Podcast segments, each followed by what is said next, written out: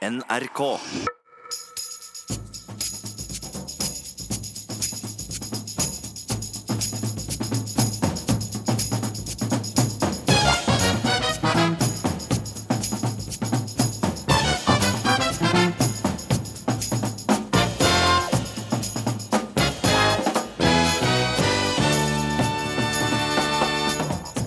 Aldri før har så få ungdommer hatt sommerjobb, men hvem sin skyld er det? Er det ungdommene, foreldrene eller arbeidsgiveren? På landsmøtet stemte unge, unge, Høyre over om samer skulle få drive med kasino og bordellvirksomhet. Det holder ikke å si at det bare var en spøk, sier samiske Nils Christian Winther, som meldte seg ut av ungdomspartiet i protest. Og før var det å være homofil ensbetydende med å være barnløs. Men med dagens muligheter kjenner også homofile på presset om å få barn. Hei og velkommen til ukeslutt i NRK P1 og P2. Jeg heter Marie Roksund.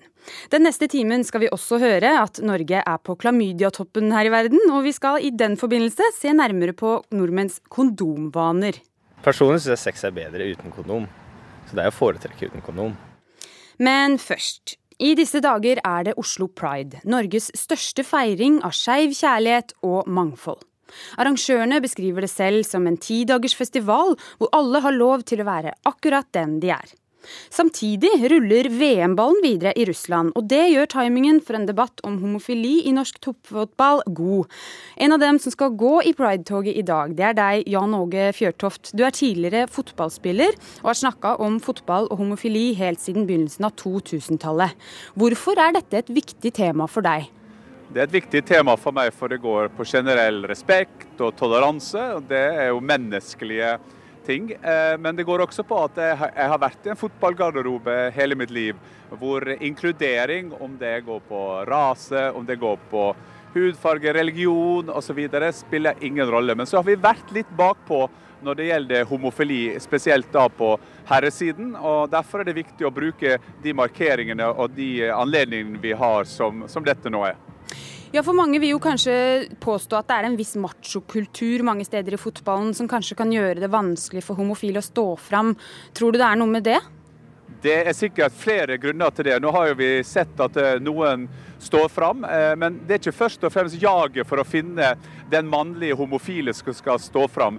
Eh, vi ønsker, jeg ønsker at idretten skal bidra til at det skapes en kultur der nettopp dette skal være helt naturlig. Vi kan elske fotball, men vi skal også få lov til å elske hvem vi vil, uansett kjønn. Det skulle bare mangle. Og der idretten kanskje har vært litt bakpå da, der må vi prøve å nå raskt eh, nå igjen hovedfeltet, og kanskje også gå forbi hovedfeltet. Og være de store forbildene. Og Denne uka så hadde vi en, en stor konferanse i Norges Fotballforbund som vi kalte 'Jævla homo. Og det gikk både på i garderoben, men også utenfor garderoben, og den machokulturen som kanskje til tider har historisk sett vært på tribunen. Ja, og Du kjenner jo også flere homofile. Er de glade for at du fronter denne saken, eller føler de seg pressa til å stå fram? Nei, det tror jeg ikke. at Jeg kjenner mange homofile. Jeg gjør av de aller fleste. Men stort sett så kjenner jeg mennesker. Jeg kjenner venner av meg som syns det er hyggelig at vi passer på og støtter hverandre. Om de er homofile eller heterofile spiller ingen rolle. Jeg forventer jo også at eh, mine venner står opp for meg når eh, ting skjer. Og her har vi bokstavelig talt en, eh, en, situasjon hvor man er litt skeiv i forhold til en bestemt gruppe. Og, og, og vi skal si i 2018 osv. i en moderne tid at det er mennesker som skal føle seg utstøtt. Det er bare tull. og der må Eh, idretten som jeg da representerer i dette tilfellet, eh, gå litt i seg selv. Og så vet vi likevel at det har vært mange som har vært flinke og jobba også i idretten. Og du må huske det, hvis jeg får lov til å si det, at i dag er det Oslo Pride, og det er en stemning her som minner om 17. mai og Grand Prix på en gang. Men norsk idrett har pride hver eneste dag. Det er flere hundre tusen mennesker som engasjerer seg, både på og utenfor banen. Og det er de det vi må bruke disse markeringene til å gi en, en, eh, en støtte i hverdagen. Absolutt. Takk til deg, Jan Åge Fjørtoft. Vi skal tilbake til Pride-toget og Pride-temaet senere i sendinga. Enn så lenge, takk til deg. Aldri før har så få ungdommer hatt sommerjobb. Bare 37% av norsk ungdom var i jobb sommeren 2017, viser tall fra Statistisk sentralbyrå. Vi har tatt en prat med folk på gata om hva de tror er årsaken til at så få unge har sommerjobb. Nei, jeg vet ikke helt. Det kan vel være at øh, man har det har det kanskje litt for lett. Jeg gidder ikke jobbe, Eh, kanskje det er mer å gjøre på skolen i løpet av eh, året, så de føler at de trenger en pause over sommeren. Jeg tror, det, jeg tror, man jobber mer nå mens man studerer enn man kanskje gjorde før. Så når man først har ferie, så er man kanskje mer interessert i å enten ha en relevant jobb, eller bare komme seg litt. Det er ganske sammensatt. På en måte så er det ganske vanskelig å få sommerjobber også. Som, som, som du sier, så plukket mange bær, jobbet på jordene og liksom var lettere sånn sett å få sommerjobb. Nå er det litt mer eh, komplisert. Jeg gidder ikke jobbe, Inger Lise Blyverke, du er direktør for politikk og forhandlinger i hovedorganisasjonen Virke, som organiserer arbeidsgiverne. Dere, dere mener eh, unge ikke må bli jobbsnobber. Men hva mener dere med det? Vi mener at all jobberfaring er viktig, og da må du som et ungt menneske aktivt eh, oppsøke muligheten. Og du må faktisk tenke at enhver jobb i en tidlig fase er relevant. Du må ikke tro at ditt første møte med arbeidslivet er en overbetalt drømmejobb. Og du må heller ikke tro at en arbeidsgiver kan tilpasse seg dine ferieplaner. Du må faktisk eh, legge opp sommeren etter hva bedriften har behov for. Og du må starte tidlig. Du må starte lenge før sommeren begynner, og kanskje også ta deg en deltidsjobb og vise deg fram tidligere i året, og du må ikke gi deg. Arbeidsgivere setter pris på initiativ og pågangsmot. Så tro ikke at mamma skal gjøre jobbsøkerjobben for deg. Bank på døra sjøl. Ja. Ungdomsrådgiver i LO, Bjarne Lagesen. Er ungdom for kresne?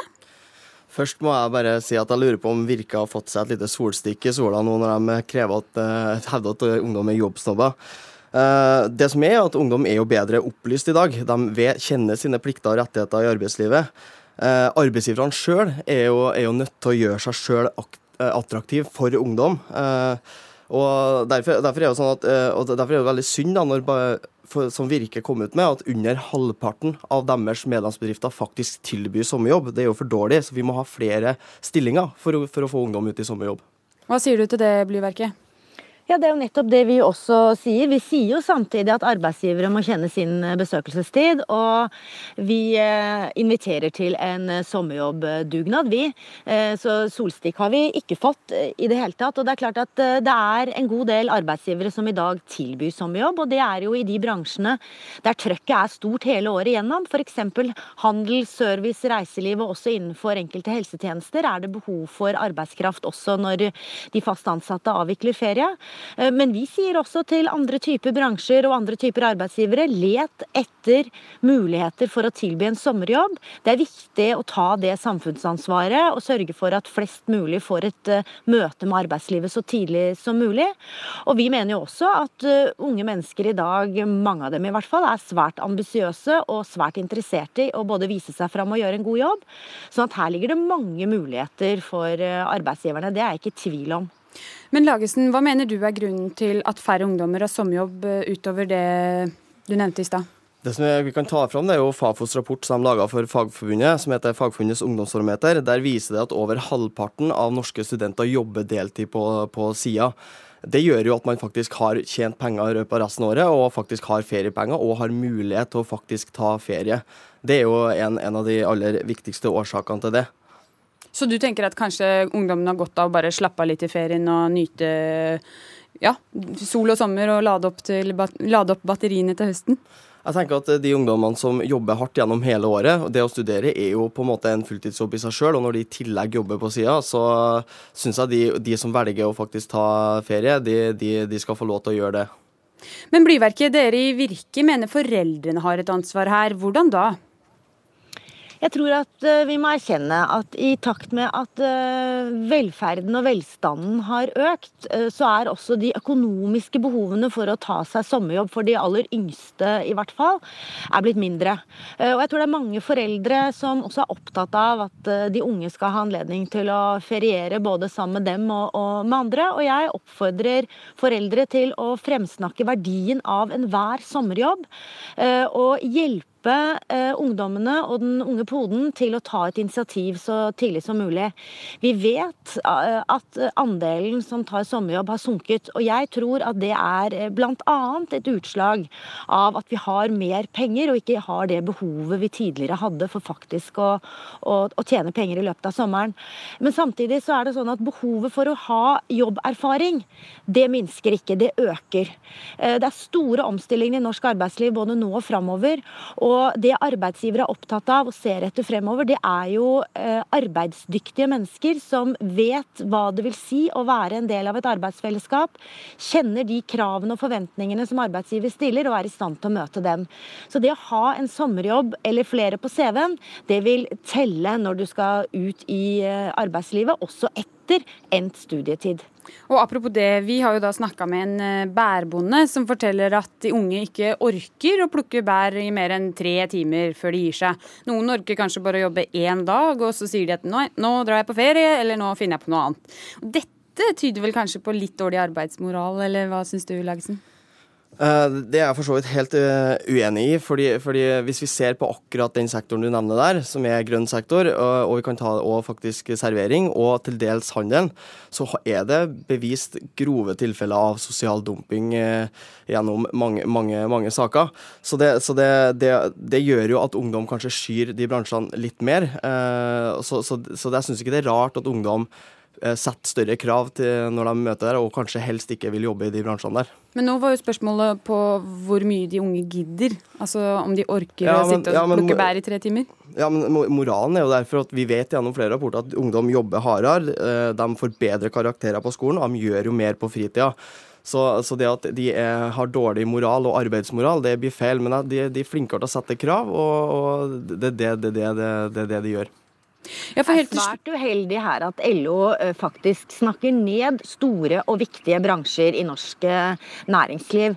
Og Vi kan være helt enige om at de unge trenger et godt møte med arbeidslivet. Derfor så er jo vi veldig positive til det arbeidet som LO Sommerpatrulje gjør. Vi har til og med invitert oss inn til et samarbeid, men ikke fått svar. Men det kan jo hende at vi får nå, fordi vi ønsker å samarbeide. Og vi legger mye vekt på å veilede våre bedrifter i vårmånedene på hvordan møte norske norske unge arbeidstakere på en god måte, sånn at de får de rettighetene de har krav på, og samtidig får tilstrekkelig med opplæring.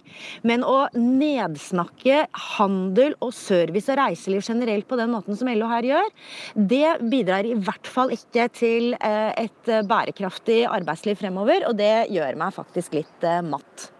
Vi får se, kanskje blir det et samarbeid, kanskje ikke. Takk til dere, Inger Lise Blyverket i Virke og Bjarne Lagesen fra LO. Med dagens muligheter for assistert befruktning og surrogati føler også homofile på presset om å få barn. I disse dager er det Oslo Pride, og i den forbindelse har FRI, Foreningen for kjønns- og seksualitetsmangfold, lansert kampanjen En vei å gå. Årets tema familie har bl.a. fokus på frivillig barnløshet. Martine Hammervold Austinat, du er lesbisk og sitter i sentralstyret til FRI. Denne uka kan vi lese i VG at du alltid har visst at du ikke vil ha barn. Hva er grunnen til at du har tatt det valget? Eh, for meg så har det egentlig ikke vært et uh, valg. Altså Da jeg var seks år gammel, så var det jo ikke et valg. Da var det jo mer enn gud bedre, kommer dette til å skje? Uh, og jeg opplevde jo at min mor var veldig klar og tydelig på at uh, dette er noe du velger selv, det er din kropp og ditt liv. Uh, så det var jo ikke før jeg ble eldre og mer voksen, håper jeg, at jeg merka at samfunnet hadde en forventning til at jeg skulle ha barn. Først og fremst fordi jeg var dame. Hvordan merka du det? Nei, men folk i det hele tatt. Som, altså spesielt etter jeg fikk min første kjæreste. Det fikk jeg jo i litt voksen alder. Så frem til i forfjor så, så var det jo mer enn sånn ja, men når skal du få barn, og må du ikke begynne å planlegge det? Syns du det er litt frekt at folk spør? Jeg syns det dreier seg litt om folkeskikk. Jeg tror ikke nødvendigvis folk mener eh, å være kjipe, men hvis man er i en situasjon hvor man f.eks. ikke kan få, eller at man prøver og det viser seg at det ikke går, så kan det være en, For det første så er det en privatsak, men det kan også være et litt ømfintlig tema som man kanskje ikke skal invitere til hvis ikke det gjelder deg selv, da. For en av de som har tatt det motsatte valget, det er deg, skuespiller Geir Kvarme. Du og mannen din har to tvillingdøtre på elleve år, som dere fikk ved hjelp av surrogatmor. Har du følt på et press om å få barn? Jeg har aldri følt på noe press om å få noe barn, nei. Denne prosessen med å få barn satte vi i gang i 2006. ikke sant? Da var det forholdsvis uh, ukjent at det fantes muligheter for uh, to menn uh, til å få barn. ikke sant? Så altså, Den eneste måten å på en måte normalisere dette valget om da å ikke få barn, eller få barn, eller ikke kunne få barn, eller sånn, det er jo å snakke om det. Eh, så jo mer man alminneliggjør det, jo bedre, jo lettere er det å leve med de ulike valgene, tenker jeg. Så det må jo være like legitimt å ikke ønske seg barn, eller ikke være i stand til å kunne få barn, som det å ønske seg barn og kunne få barn. Jeg er helt enig i det. Og, og, jeg er helt enig i det Geir sier om at uh, vi må prate om det. Men det, er ikke, det, er ikke, alltid Altså, jeg fikk en melding etter VG-artikkelen fra en venninne som, som, ikke kan få barn pga. at hun er kirurgisk kastrert. Uh, og det er ikke alltid det passer seg over kaffemaskinen for henne når ikke det er hun som inviterer til å prate om det. Så derfor mener jeg at uh, selvfølgelig skal vi prate om det, og det er veldig viktig i det hele tatt for å få utvidet hva majoriteten ser på som en familie, og utvide familiebegrepet, så er det absolutt viktig å prate om det. Uh, så jeg er helt enig i det, men det skal ikke være på et premiss om at man bryter med normer for familie og kjønn og seksualitet. Mm. For du Kvarme, du mener at mas om barn faktisk er et skritt i riktig retning, på en måte? Nei, men når det gjelder eh, oss skeive, så tenker jeg på en måte at man også kan ta det som en honnør til at man faktisk har kommet ganske langt i vårt samfunn. Eh, eh, takket være en iherdig kamp eh, gjennom mange mange år fra sentrale personer og organisasjoner, så kan man også velge å se dette som en slags sånn normalisering. At vi bruker barna våre som utstillingsvindu for vellykkethet og allting sånn. Noe er sant, og noe er rene glansbilder. Og det er klart at, at den normativiteten slår inn også i det skeive miljøet. det kan man jo velge å se på som et tegn at man, nå har man kommet ganske langt. Jeg mener ikke at man skal bli lik på alle områder, men at det er eh, Det kan være noe positivt ved det også, at man, man ikke blir behandlet så annerledes. Da, fordi at eh, vi har jo jobbet for rettigheter for eh, skeive personer til å få barn. Og eh, når de rettighetene begynner å slå inn, så vil man også bli en del av det presset som kanskje samfunnet utsetter personer for. Og så ligger det jo også i eh, menneskeheten at vi skal formere oss. Eh, ikke sant? Og, og, både fra politisk hold så sies det at det fødes for få barn, ikke sant? så der ligger et press om at folk skal føde barn. Og så må det være helt legitimt å ha veldig mange forskjellige typer familier, enten det er med barn eller uten barn, eller til og med aleine med venner. Det er også en form for familieliv, tenker jeg. For eh, årets Pride-kampanje oppfordrer til å utvide begrepet familie. Hvordan kan vi gjøre det, Martine Hammelvold Austinat? Vi må først og fremst tenke på at eh, ikke alle familier er, består av mor, far og unge unge, eller er det 2,3 som er gjennomsnittet?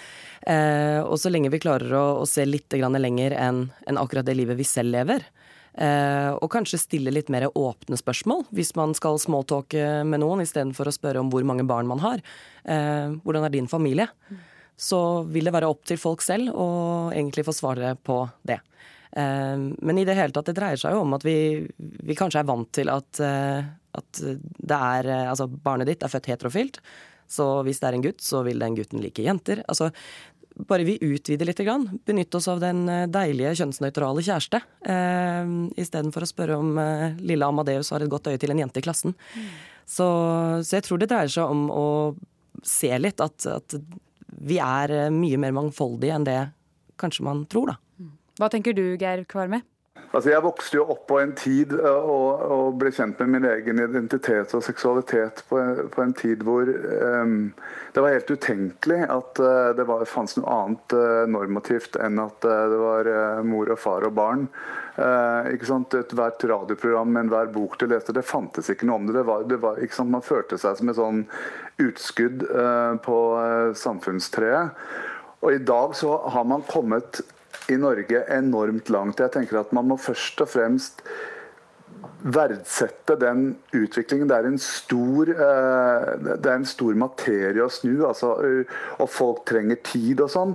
Og at man i minst mulig grad unngår en sånn polarisering, en litt sånn eh, aggressiv, så kan det av og til være helt nødvendig å si til folk vet du hva, hør nå her.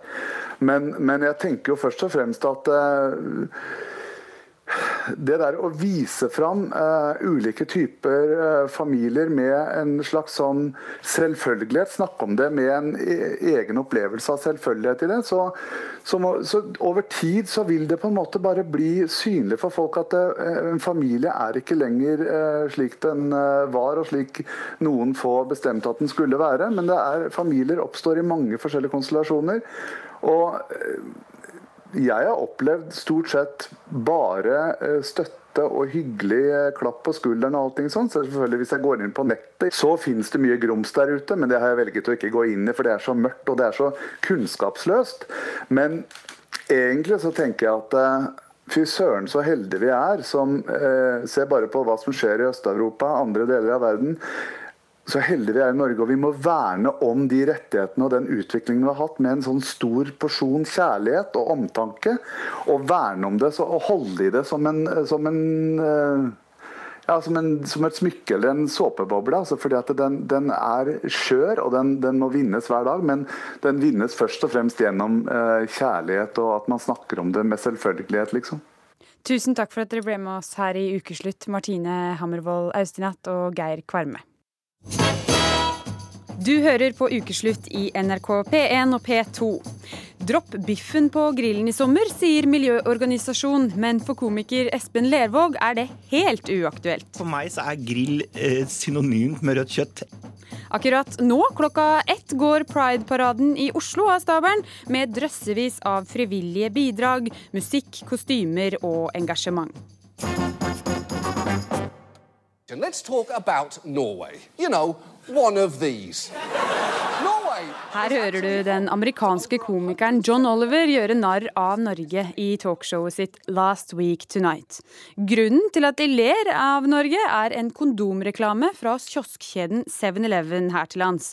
På store plakater oppfordra 7-Eleven turister til å beskytte seg mot norske innbyggere ved å bruke kondomer. På plakatene ble Norge kalt klamydialandet. But, but the thing is, Norway does have one of the highest reported chlamydia rates in Europe, and 7-Elevens Dersom man spør en utlending hva hun tenker på når hun hører ordet Norge, vil hun kanskje si oljerikdom, fjorder og fjell.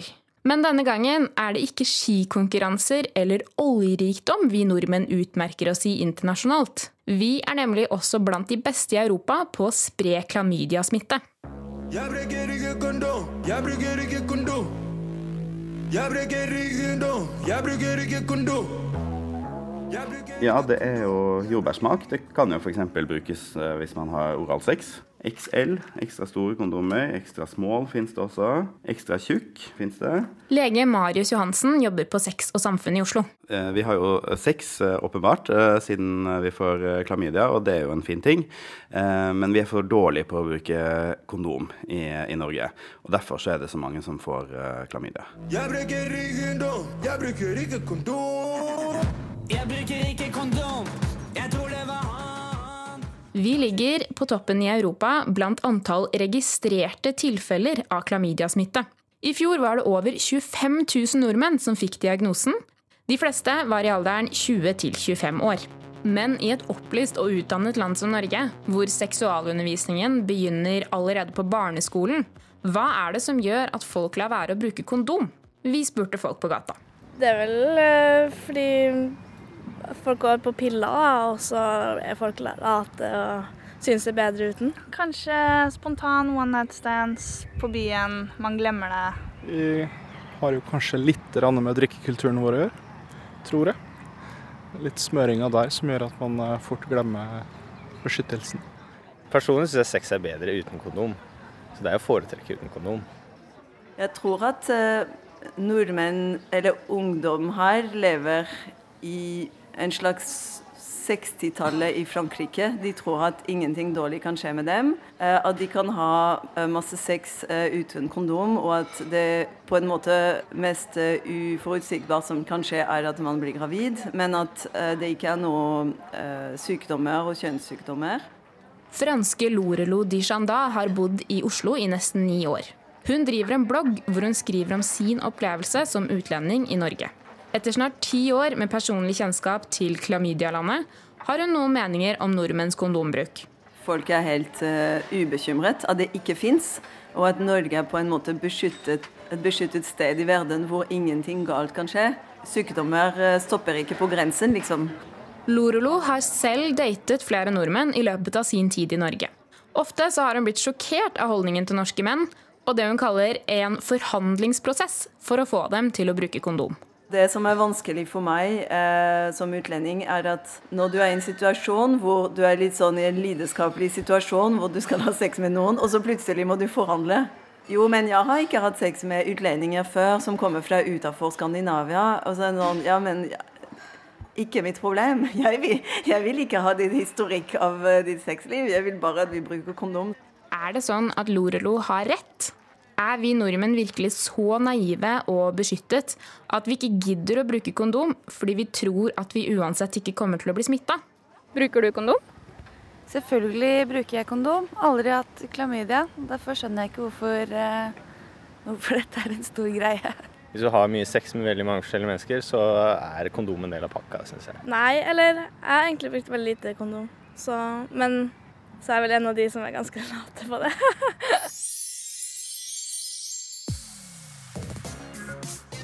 Vita og Wanda Mashadi er tvillinger, 26 år gamle, og har sitt eget reality-program på NRK.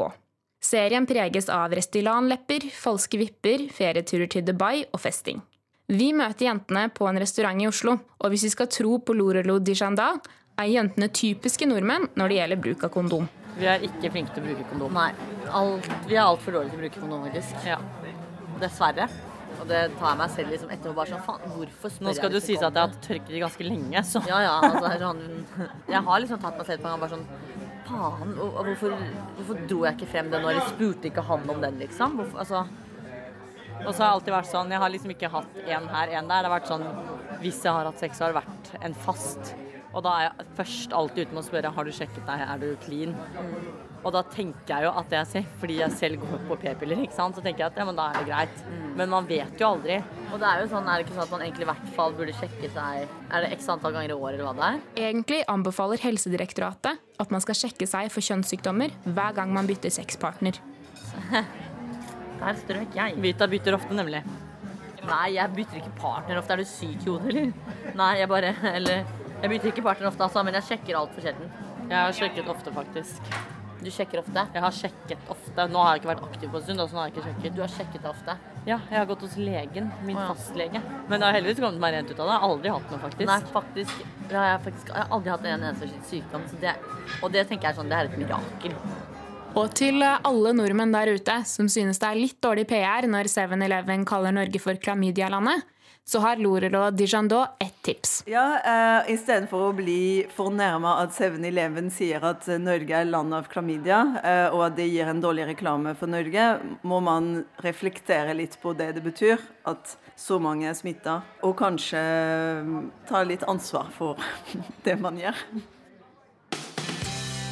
Reporter i saken var Julia Afshari Kaasa. Samer bør få dispensasjon til å drive kasino og bordeller i det samiske området. Syns du det her høres ut som en spøk? Ja, det var en spøk. Eh, forslaget men forslaget ble faktisk stemt over på Unge Høyres landsmøte sist søndag, og mange stemte for forslaget. Nils Kristian Winther, du er same selv, og etter det her skjedde, så meldte du deg ut av ungdomspartiet i protest. Hvorfor det? Nei, eh, det var fordi jeg følte at det ikke var noe som hørte hjemme på, eh, på landsmøtet. Eh, og må jo også bare presisere at jeg tok overgang til Høyre fra Unge Høyre. Ja, Vil du utdype det valget? Nei, det var for å si det sånn, det var en liten frustrasjon. Um, og på søndag, når jeg fikk vite at det her hadde faktisk gått så langt som en fiktiv votering på landsmøtet, så ble jeg utrolig, uh, utrolig lei meg. Uh, for det, gjør, det, gjorde såpass vondt at det kom, uh, når det kommer spesielt for dine egne. Um, og for å si det på den måten, eh, det her er ikke noe som hører hjemme på et landsmøte i det hele tatt. Jeg kunne, altså, kunne, hadde vært på, en, eh, på et nachspiel eller eh, hadde vært en spøk man hadde tatt mellom to kompiser eller slikt, så kunne det vært akseptert, eller hvis noen hadde sagt det direkte til meg og sagt at samer bør faktisk få dispensasjon eh, til å drive eh, med bordell- og kasinovirksomhet på eh, eget territorium, så hadde jeg kunne kanskje sagt da til vedkommende at det der syns jeg faktisk ikke er greit, for det viser dårlig holdning. Men når man skal lage en fiktiv votering over det på landsmøtet, så skremmer det meg veldig. Men hva skjedde etterpå, når du gikk ut og reagerte på det her? Nei, det var jo Jeg må si at jeg fikk veldig mange eh, Først må jeg si jeg fikk veldig mange positive tilbakemeldinger. Mange som støtta meg i det, det, valget jeg hadde tatt. Eh, men det var også noen som eh, mente da at jeg var for hårsår. Og at dette var noe jeg måtte bare tåle. Og at vi nå drev og hausa Nå hausa jeg det her opp til å bli noe mer enn det var, nemlig en spøk. Ja, og Vi har vært i kontakt med Unge Høyres leder Sandra Bruflot, og hun ville ikke stille her i ukeslutt. Men Bruflot har jo beklaga det som skjedde i en mail til deg, Vinter. Hvorfor holder ikke det? Eh, jeg er veldig glad for at Sandra har eh, lagt seg flat og sagt at det her ikke er noe eh, som er akseptabelt, og at det var en feil som skjedde. Men jeg mener samtidig at det ikke er meg hun skal unnskylde seg til. Den Unge Høyre burde unnskylde seg til hele det samiske folk og sagt, gått ut og lagt seg langflat og sagt det her skulle ikke skjedd. Vi beklager det som skjedde, og de her holdningene er ikke representative for medlemmene i Unge Høyre. Ja, og som vi sa, som du nevnte tidligere, så har du altså valgt å melde deg inn i moderpartiet Høyre. Vil du utdype det litt? Ja, jeg er jo enda Jeg har jo vært eh, eh, seks år i Unge Høyre, og jeg begynte i Unge Høyre. Og jeg er veldig glad i partiet mitt, står opp for eh, det, det vi holder på med. Men mitt valg var også å kunne Jeg vil også lyst til å fortsette i politikken. Jeg har ikke lyst til å slutte i Høyre, som representerer de ideologiene jeg har, da, på bakgrunn av noe slikt. det her er heller det at jeg viser min avsky, og at det er ikke akseptabelt til, til Unge Høyre. og Unge Høyre har kanskje noe å jobbe med etter det her, men jeg håper virkelig at organisasjonen som kan lære etter det mediekjøret som har vært nå, eh, etter det famøse landsmøteforslaget. Ja, og vi tar med til slutt at I en e-post til NRK så skrev han som fremma forslaget, Tobias Strandskog, tidligere denne uka at han beklaga hendelsen. Han understreka at eh, forslaget var en fleip, og skrev videre at min intensjon var ikke å fornærme noen, og jeg syns det er utrolig trist hvis noen ble såret. Har du en kommentar til dette? Jeg er veldig glad for at Tobias har beklaga beklaget seg, det er jeg utrolig glad for. Men eh, det jeg har reagert, og som jeg mener sakens kjerne handler om, det var at det i det hele tatt fikk lov til å komme til behandling på landsmøtet. Dette burde Unge Høyre ha tatt og sett, eh, sett med det første land, forslaget bli sendt inn, og sett at det her er ikke akseptabelt. Det her burde vi ta ut. For det er også organisasjonen sitt ansvar å beskytte enkeltmedlemmer mot seg sjøl, og derigjen beskytte organisasjonen. Hvordan skal du følge opp dette i Høyre, tenker du? Nei, nå skal vi ha en uh, behandling internt i partiet om det her. Og jeg håper jo at uh, vi får, uh, får tatt litt tid med Unge Høyre, og eventuelt Jeg mener jo det at kanskje Unge Høyre sitt sentralstyre bør komme opp til, opp til Finnmark. og komme og besøke flere samer og lære om samisk kultur. for det her beviser kanskje det at det har vært for lite fokus på det i Unge Høyre generelt. for det det her representerer hos, enk hos enkeltmedlemmer, så representerer det holdninger og holdninger lenger er egentlig bare mangel på kunnskap. Tusen takk for at du var med oss her i Ukeslutt, eh, Nils Christian Winther. Den årlige Pride-paraden i Oslo er i gang. Festivalen Pride blir arrangert for at homofile, lesbiske og transpersoner ikke skal bli behandla annerledes enn andre, og i en rekke byer verden over er det duka for parade i dag. Reporter Leila Ferratovic, du er på Grønland i Oslo, der paraden har starta opp. Hvordan er stemninga? Det er jeg. Som dere sikkert hører, så er det veldig god stemning. Mye musikk, og det er jo et folkehav av farger og mennesker, altså. Det er kjempegod stemning. Mye glitter, mye lær. Det er jo nesten som et 17. mai-tog, bare ikke så veldig mye bunader, men enda mer fjær og glitter. Hvor mange folk er det venta i dag? Altså, I fjor så var det 200 000 tilskuere og 40 000 deltakere i selve paraden. Men i år er det ventet enda flere. Ja, og Som vi hørte tidligere i sendinga her i Ukeslutt, så er årets tema familie. Preger det paraden ut fra hva du kan se? Det jeg kan se er barnefamilier, besteforeldre, folk i alle aldre. Veldig mye samhold. Folk har tatt med seg hele familien sin barnefedre med små barn på skulderen. Det er eh, veldig mye mangfold, altså. Tusen takk til deg, reporter Leila Ferratovic.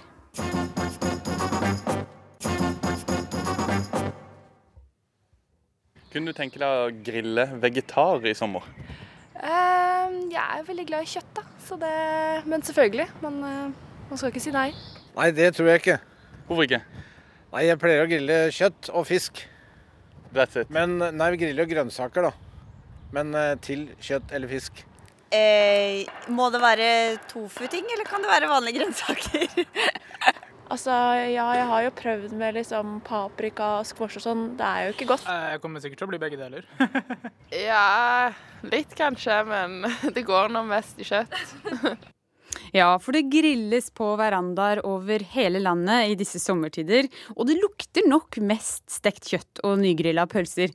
Men hadde det vært opp til framtiden i våre hender, hadde det ikke vært kjøtt på grillen. Da hadde det vært vegetarmat. Håkon Lindahl, du er fagrådgiver i Framtiden i våre hender. Hvorfor er det så ille med rødt kjøtt på grillen? Det, jeg tenker at det er ikke nødvendigvis ille med rødt kjøtt i seg selv, men, er, men mengdene kan være et problem. Altså Det som har skjedd i Norge siste, eh, de siste to generasjonene, er at kjøttforbruket er fordobla. Eh, og siden 1990 så har det økt med 50 Og det er en ganske dramatisk utvikling. da. Og det har, eh, det har også økt globalt på samme tid. Og det har en del konsekvenser som er ganske dramatiske. F.eks. at kun 4% av alle pattedyr på landjorda nå er ville, men 60% er husdyr. Og det handler om, at, det handler om et, et voksende kjøttforbruk som fortrenger natur. Og det er et problem, tenker vi. Og så er det klimaaspektet av det. Som eh, er sånn at ca. 15% av de globale klimagassutslippene skyldes husdyrhold. Eh, Det er omtrent like mye som hele transportsektoren, altså alle biler, båter, fly og sånn til sammen. Og i sum så mener vi det er en god grunn til å redusere kjøttforbruket. Vi mener ikke at alle skal kutte ut og spise kjøtt, vi mener kjøttforbruket bør- bør Men hva er da ja-mat på grillen, og hva er nei-mat? Mm, Jeg tenker jo ja-mat er jo eh, vegetar, som du nevnte. Det fins eh, stadig bedre vegetaralternativer der ute. Fisk, sjømat generelt er et godt alternativ til kjøtt. Eh, og så tenker jeg at man fint kan unne seg kjøtt innimellom. Men gjerne litt sjeldnere. Hva med kylling, da? Eh, kylling er bedre klimamessig, verre dyrevelferdsmessig. Så det er på en måte litt sånn ja, trade-off der, da. Mm. Mm. Men mange tenker jo kanskje nå da at eh, nei, det går ikke å skulle slenge på noen vegetarpølser på grillen. Jeg må Mm. ha rødt kjøtt. Og en av de er kanskje deg, komiker Espen Lervåg. Hvorfor ikke grille noe annet enn rødt kjøtt? Fordi jeg, For meg så er grill eh, synonymt med rødt kjøtt. Eller kjøtt, da. Det er på en måte Nå har jeg gått eh, en eh, lang, lang vinter, og så får du fyre opp den grillen, og da er jo kjøtt eh, det man vil ha. Eh, og det syns jeg vi skal kanskje unne oss, selv om du sier jo det, vi skal unne oss det. Kanskje begrense mengden. Men det er da skjæra høgge meg det beste du kan grille, er det ikke det? Så det er smaken som er opplevelsen for deg? Smaken, lukta eh, Det er jo noe med hele aspektet å grille som jeg eh, finner Ja, som jeg mener er Det burde være litt kjøtt. Men du sier du har gått en lang vinter. eh, Du har vel spist litt kjøtt i vinter òg? Ja, og om jeg har, ja. Eh, Det har jeg selvfølgelig. Eh, Men det blir ikke grilla kjøtt på den måten. Ikke på åpen flamme. Eh, Men jeg, jeg men jeg tror jeg spiser mindre kjøtt på Det gjør jeg garantert. Mindre kjøtt i løpet av vinterperioden enn jeg gjør på sommeren. Mm. Eh, Men det er noe ekstra med det derre når sola titter fram, og få den biffen slengt oppå der. Hvor ofte spiser du vegetar, da? Jeg spiser jo jeg, jeg spiser ikke rent vegetar så veldig ofte. Eh, prøver å gjøre litt sånn kjøttfrie mandager i ny og ne. Være flink gutt der sånn. Eh, men eh, stort sett så liker jeg jo å ha noe annet ved sida. Men fisk er jo et godt alternativ, da. Det syns jeg. Det er også på grillen. Mye godt, og du kan grille av fisk også. Eh, men igjen, jeg, jeg leste her om dagen at vi nordmenn eh, er lykkeligere om sommeren. Kan hende at det har noe med grilling å gjøre. Du tror ikke det har noe med sola og varmen å gjøre, kanskje? Nei da. Men hva tenker du, er dette kjent for dere i Framtiden våre hender, det han sier her? Ja, det er kjent for meg også. Jeg elsker biffen på grillen. Så det er, ikke, det er ikke det som er det er ikke det som er greia. Altså det, som, det jeg tenker er greia at vi må, Det vi kanskje bør redusere litt på, er det som er det hverdagsforbruket. For det er det som har vokst de siste 10-20 åra. Man, har- man spiser mer og mer, for det kjøtt har og blir i stadig større grad det enkleste alternativet på en travel tirsdag. Og det er det som er nytt, på en måte. Det, og, og, og det er noe annet enn den biffen på grillen, tenker jeg. Og her kommer gassgrillen inn i bildet. Fordi eh, nå har vi jo skjæra Høgge med Det er jo en komfyr som står bare han står ute. Og det gjør jo at folk vil grille mye, mye mer enn man når det var det stresset med å hente køl, blei møkkete på fingra, tennvæske men, Og det er godt. Nå ble jeg sulten. men det, det er jo garantert noe med gassgrillen og tilgjengeligheten for å grille kjøtt som er, eh, gjør at vi spiser mer kjøtt om sommeren. Tror jeg, da. Nå er det ikke jeg som har framtida i våre hender, det er, men, men jeg tror jo det. Tror du ikke det? Jo, og så tror jeg jeg tror nok mye skyldes et sånt markedsføringspress. Altså hvis man ser på en måte hvordan dagligvarekjeden i stadig større grad eh, bruker kjøtt i Ja. alle reklamer, Ja. så er det en ganske viktig faktor. tenker jeg. Så ser vi så har man et opplysningskontor for kjøtt, som Ja. egentlig er en sånn form for statlig finansiert kjøttmarkedsføring, som eh, kjører ganske hardt annet gjennom matprat, som føler at man blir eksponert for kjøtt hele tiden. Og da ser man på en måte kjøtt som det enkle al- alternativet. Og det fører til at kjøttforbruket går opp. Og de er flinke til å lage bra bilder òg, de som Ja, har det er kjempe- det er fantastisk bra kommunikasjonsfolk. Det- Nå har vi ikke de til å svare for seg akkurat her, så vi skal ikke utdype det. Men eh, Espen Lervåg, mange kjenner jo deg fra Instagram, hvor du har eh, over 120 000 følgere. Hvor du tuller med det meste som skjer i nyhetsbildet. Og i disse VM-tider, da. Mm. Hvis en kompis hadde invitert deg over for å se på kamp, og han uh, fyra opp grillen, og det er kveldssol, og så varte han opp med vegetarpølser, hvordan hadde du reagert? Nei, da han hadde fått juling. Det, det, om ikke juling. hadde, vi hadde blitt skeptiske, eller kanskje mest bekymra for han, da. Eh, for det er jo Men der har du liksom Uh, hvor mye kulturen og hva vi er vant til har å si. Fordi man vekker inn på fotball og vegetarmat. Har ikke jeg opplevd ennå, i hvert fall. Jeg er åpen for hvis noen klarer å få det til å bli en hyggelig opplevelse. Men eh, vi hadde nok sagt at dette her går ikke.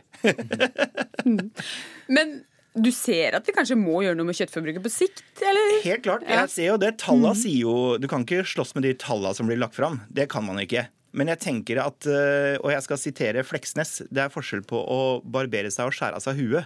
Og det er noe med å finne den gylne middelveien i alt, da. Og det tenker jeg også gjelder dette uh, her. Og det er jo sikkert mye annet vi kan gjøre i tillegg, som f.eks. Uh, det å lage mer mat fra bunnen av istedenfor å bruke fabrikkmat, som jeg også, i, uten at jeg har noe tall på det, tenker har en miljøgevinst.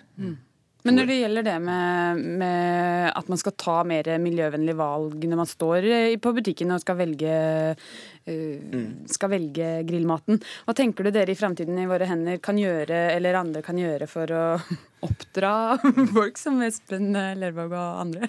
Jeg vet ikke, jeg tenker at du skal få lov til å kose deg med den biffen. jeg. Men, det, men, det er, men det er bare altså, Igjen, det er hverdagsforbruket da, som er, som er tingen. Altså, I 1990 så spiste altså, Kjøttforbruket har økt med 50% siden 1990. Da var jeg 11 år. Mm. Jeg husker ikke at jeg spiste mindre kjøtt. Nei. Så dette er på en måte noe som bare har siget inn, på en måte, som har blitt normalisert. Og det handler om et markedsføringstrykk.